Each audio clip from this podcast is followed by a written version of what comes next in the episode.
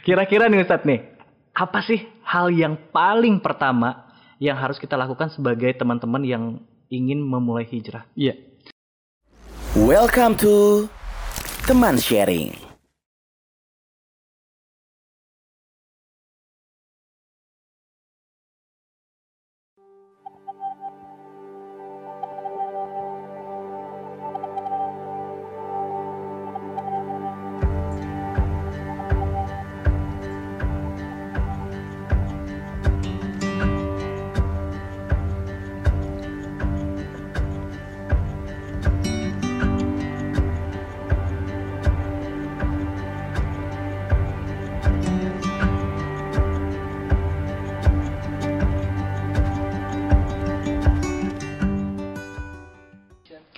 Assalamualaikum warahmatullahi wabarakatuh. Alhamdulillahirobbilalamin. Bagaimana kabarnya teman-teman semuanya? Semoga hari ini teman-teman semuanya dalam keadaan sehat walafiat ya.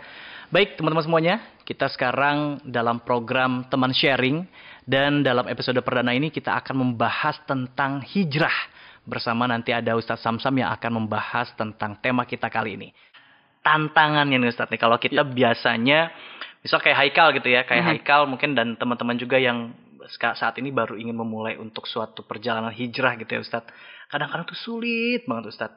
Baru mau ya tadi baru mau berpindah atau baru mau berpikir eh, hijrah gitu ya. Mhm. Kadang-kadang ada aja godaan. Iya. Ada aja yang bisikan-bisikan negatif gitu. Iya, iya. Eh, Kira-kira nih Ustadz nih, apa sih hal yang paling pertama yang harus kita lakukan sebagai teman-teman yang ingin memulai hijrah? Iya. Eh, sebetulnya tantangan hijrah itu yang paling besar tentunya dari diri sendiri. Betul. Nah, itu yang pertama itu diri sendiri itu paling apa paling besar ya.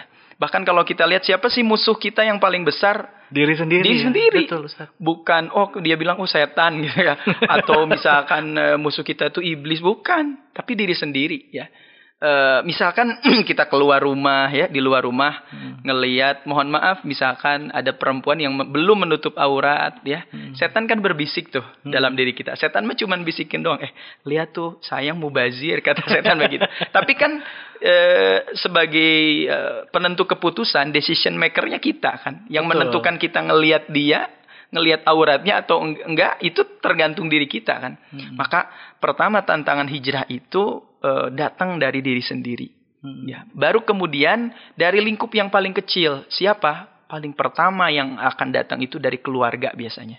Hmm. Kalau gak dari keluarga jauh, saya mah Ustaz jauh dari keluarga teman kosan. paling dekat biasanya ya. atau sudah menikah dari istrinya. Biasanya biasanya paling dekat aja. Itu kan dakwah Nabi kan begitu ya. Ketika Nabi berdakwah, yang paling pertama menentang ternyata paman-pamannya. Betul. Ya, Abu Lahab, kemudian ya paman-paman Nabi yang lain begitu ya, orang-orang terdekatnya Nabi. Abu Thalib walaupun mendukung dakwahnya tapi tetap kan beliau gak beriman begitu kan. Jadi eh, apa namanya? penyebaran itu dari diri sendiri, orang terdekat, kemudian terus seperti itu. Jadi bukan dari yang jauh dulu ya. Makanya jangan aneh kalau banyak eh, maksudnya jangan bangga kalau dicintai oleh orang yang jauh. Hmm. Justru harus senang, harus bersyukur kalau dicintai, disenangi sama orang-orang yang paling dekat dengan diri kita. Karena apa? Orang yang paling dekat ya yang yang paling tahu perilaku kita. Nah, itu tantangan besar. Jadi ada faktor internal, ada faktor eksternal, Eksternal. gitu. Dan eh, setiap orang pasti melalui ujian itu ya. Jangankan eh, hijrah yang enggak hijrah pun hidup ini kan eh, pasti penuh masalah ya. Hmm. Kalau nggak mau punya masalah ya jangan hidup. Jangan ya. hidup. Kalau mau bebas masalah jangan hidup ya. Itu pun nanti ma- masalahnya beda lagi. Kalau mati ada masalahnya lagi ya. Nanti masuk liang kubur ada masalahnya lagi. Ya hidup ini memang tempat kita untuk apa namanya menyelesaikan masalah. Hmm. Allah pun menyampaikan faida farogta fangsob begitu kan? Kalau engkau sat- selesai satu urusan, kalau engkau selesai satu masalah, fansob maka siap-siap mengerjakan menghadapi masalah yang lain. Jadi memang ladang masalah, tinggal bagaimana kita menyikapi masalah, menyikapi tantangan itu sehingga menjadikan tantangan tersebut menjadi peluang, menjadi amal kebaikan. Masya Allah, amin. Jadi gimana nih Ustadz? Stepnya yang pertama kali kita lakukan adalah Ya, pertama harus tahu ilmunya. Harus tahu ilmunya. Nah, ini Ah. penting nih teman-teman ya. Aikal juga harus tahu ilmunya dulu nih sebelum nanti kita memulai uh, memutuskan untuk hijrah ya. Ya. Ilmunya dulu ya Ustadz ya. Ilmu itu penting ya, karena hampir tiap detik kita butuh dengan ilmu. Bahkan kita lebih butuh dengan ilmu dibanding dengan makanan. Makanan itu kan sesekali aja. ya, tapi kalau ilmu itu ya perlu ya. Nggak Maka- habis-habis ya, Ustaz, ya? habis-habisnya. Maka kita harus punya prinsip dalam diri kita tiada hari tanpa ilmu.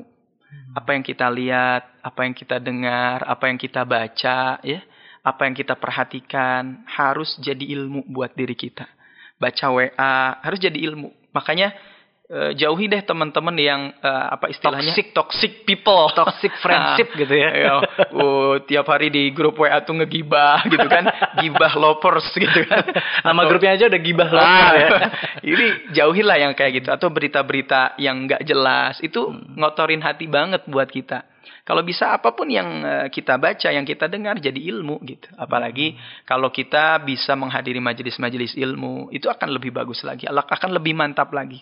Karena nggak mungkin kita bisa hijrah, bisa istiqomah ya kecuali punya ilmunya. Ini ilmunya dulu yang Ah. pertama kali harus kita lakukan adalah tahu ya Ustadz ya belajar sedikit demi sedikit mungkin tanya Ustadz mungkin ya atau teman-teman bisa datang ke teman hijrah kajiannya gitu ya Ustadz ya Iya. Dan ilmu itu akan datang dari rasa satu, rasa butuh. Kita harus merasa butuh dulu. needs dulu ya Ustadz Nah, ya ada kebutuhan dalam diri kita dan memang manusia itu pasti sangat-sangat butuh ya dengan namanya ilmu. Yang kedua setelah kita merasa butuh, maka harus apa? Ada rasa ingin tahu ya, Hmm. yang luar biasa. Maka di Quran pun disampaikan kan oleh Allah, "Fas'alu ahla dzikri in kuntum la ta'lamun," kata Allah. "Fas'alu ahla dzikri." Tanyakan kepada ahla dzikri, maksudnya kepada ahlul ilmi, in Hmm. kuntum la ta'lamun. Jika kamu tidak tahu ya. Jadi harus ada rasa penasaran, ada kebutuhan ya. Karena ya setiap hari masalah bertambah. Kalau setiap hari masalah bertambah, maka ilmu pun harus bertambah ya. Hmm. Orang yang punya masalah tapi gak punya ilmu, maka dia akan bingung sendiri ya khawatirnya nanti stres udah stres dia tidak apa tidak bersyukur udah gitu jauh dari Allah ada banyak kemungkinan kemungkinan jadi kufur dia Hmm. atau kemungkinan lain dia bisa putus asa. Ya kalau sudah putus asa ini berbahaya. Di antara dosa Betul. yang besar adalah putus asa. Kita putus asa gini misalkan, ya Allah dosa saya banyak banget, jangan-jangan Allah nggak mengampuni saya. Hmm. Ya akhirnya ah daripada saya jadi orang baik, mending aja sekalian jadi orang jahat. Sekalian. Nah, gitu ya. Hmm. Walaupun ya ya kalau mau jadi orang baik jadi orang baik yang benar-benar. Kalau mau jadi orang jahat orang jahat juga yang benar gitu kan istilahnya ya. Kalau di surat Al-Kahfi itu faman syaa'a falyu'min wa man syaa'a falyakfur gitu. Kalau mau jadi orang baik ya kalau jadi orang mukmin ya mukmin yang benar gitu. harus total gitu harus ya, Ustadz. totalitas, hidup Hmm. ini harus totalitas. Kalau nggak totalitas nantinya jadi orang munafik. Munafik Hmm. itu kan nggak totalitas, ya. Ketika kumpul dengan orang-orang beriman, wa idza laqul ladzina amanu qalu amanna gitu kan. Kalau ketemu sama orang-orang beriman dia bilang, "Eh, aku juga, gue juga sama sama kamu nih, sama-sama beriman. Kita kan sama, KTP saya sama. Saya juga bapaknya haji, bapak ah, gitu kan." Eh, wa idza khalau ila syayatinihim, tapi kalau kembali kepada setan-setan mereka, inna ma'akum inna nahnu mustahziun. Kami ini bersama kalian. Kami itu tadi Ikut-ikutan ketemu juga, ikut-ikutan Ustaz. aja, Ah. cuman ngeramein lah dan ya bilangnya begitu. Munafik itu gak totalitas gitu. Eh, beriman gak totalitas, kafir juga gak totalitas. Makanya orang munafik itu bahaya juga kalau orang gak totalitas ya. Jadi kalau bahaya itu ya bahaya buat dirinya, bahaya buat buat orang lain gitu. Jadi ya begitulah eh, di antara tata cara bagaimana kita apa namanya memulai hijrah, cari ilmunya ya. Kemudian ada penasaran untuk apa namanya mencari ilmu itu, ada rasa kebutuhan. Ya setelah itu jangan menyendiri. Banyak kan orang yang udah hijrah kemudian dia malah mengasingkan diri. Nah, Nah, ini yang salah. ini banyak juga nih Ustadz Ya. nih. Hmm. Khawatir kalau mengasingkan diri itu kan disebutkan dalam beberapa riwayat ya, sesungguhnya setan itu bersama orang-orang yang sendiri. Jadi artinya setelah hijrah justru harus cari teman lagi, teman-teman yang baik ya, Teman hidup mungkin teman ya. hidup. ya.